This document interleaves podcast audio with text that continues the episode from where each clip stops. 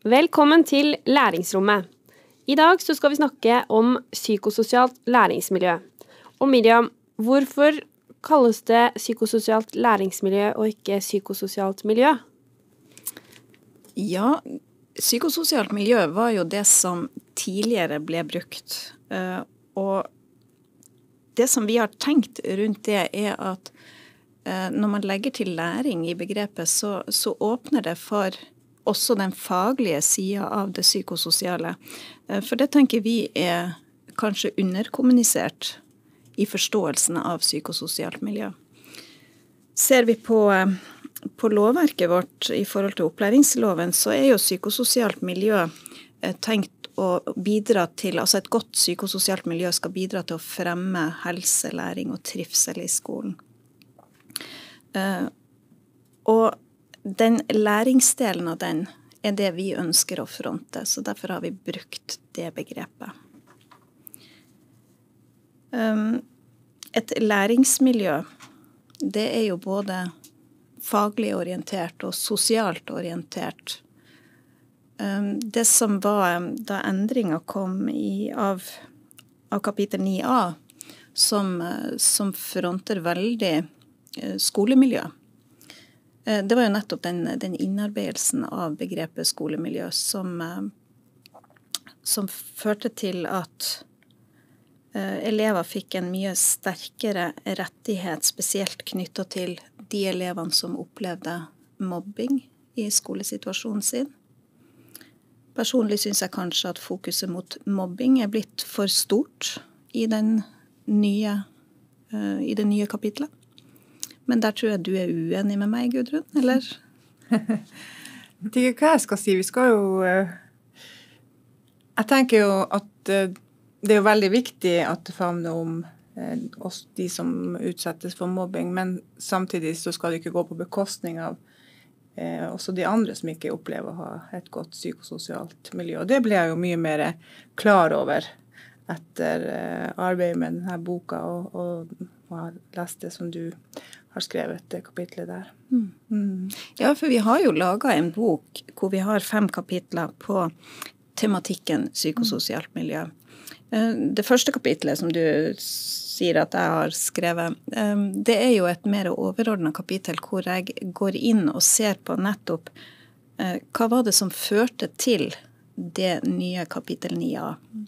For vi hadde jo et gammelt 9a som også ivaretok eh, eh, mobbing og diskriminering i skolen. Men, men hva, var, hva, var, bakgrunnen for, for det nye kapitlet? Jeg har tella ord. Jeg har sett på ordkombinasjoner. Uh, og jeg har prøvd å finne fram til hva, hva er intensjonen med, uh, med det kapitlet. Og det utvalget som har gjort det her, fronter veldig Det er jo bl.a. den innføringa av begrepet skolemiljø. Som da skal erstatte i stor grad psykososialt miljø.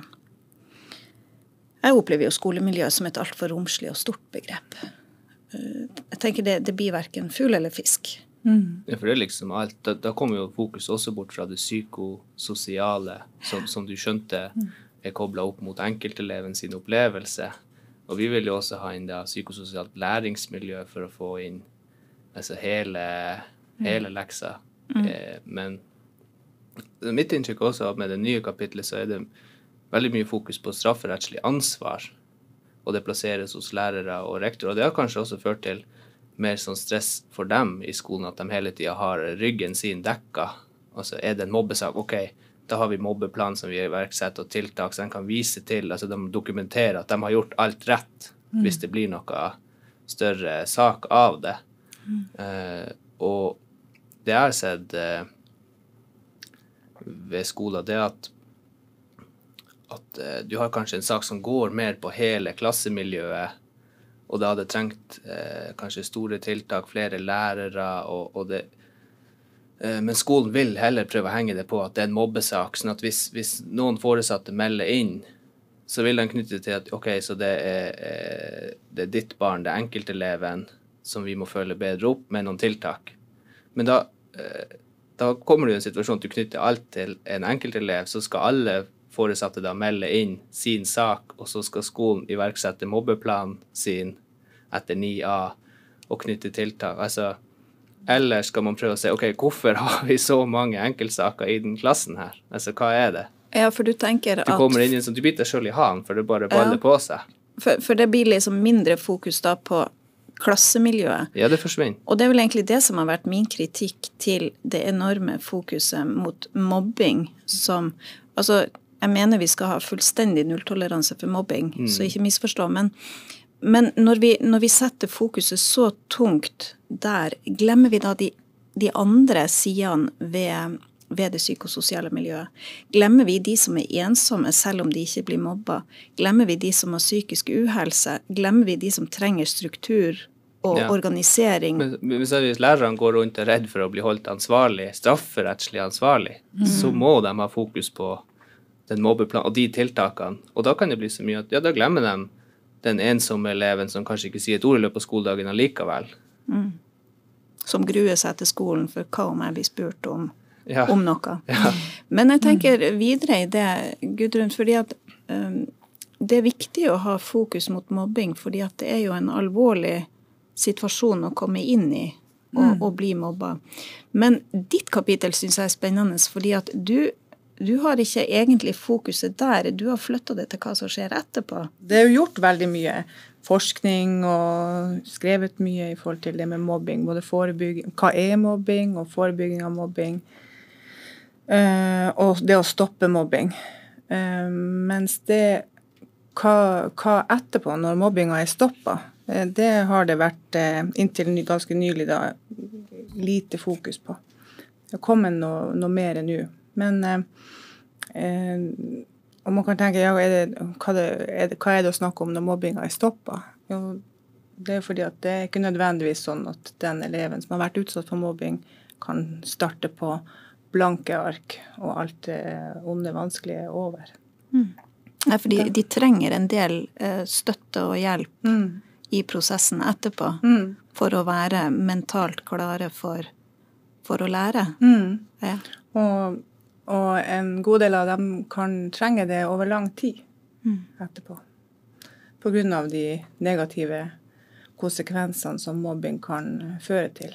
på det. Men, men tenker du at det er knytta til at når man har vært i en mobbeproblematikk, så, så får man en, det vi kaller for psykisk uhelse, eller, eller er det andre behov uh, også utafor eleven sjøl?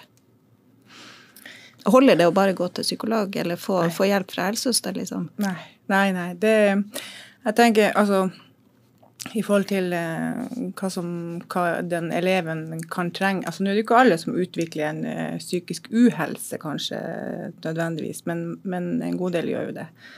Eh, og det er jo hvordan de Ja, det er jo både det som vi snakker om, trygghet og, og trivsel og, og det. Og det kan være vanskelig, vanskelig for eleven å oppleve det etter å ha vært utsatt for mobbing, selv om mobbinga er stoppa.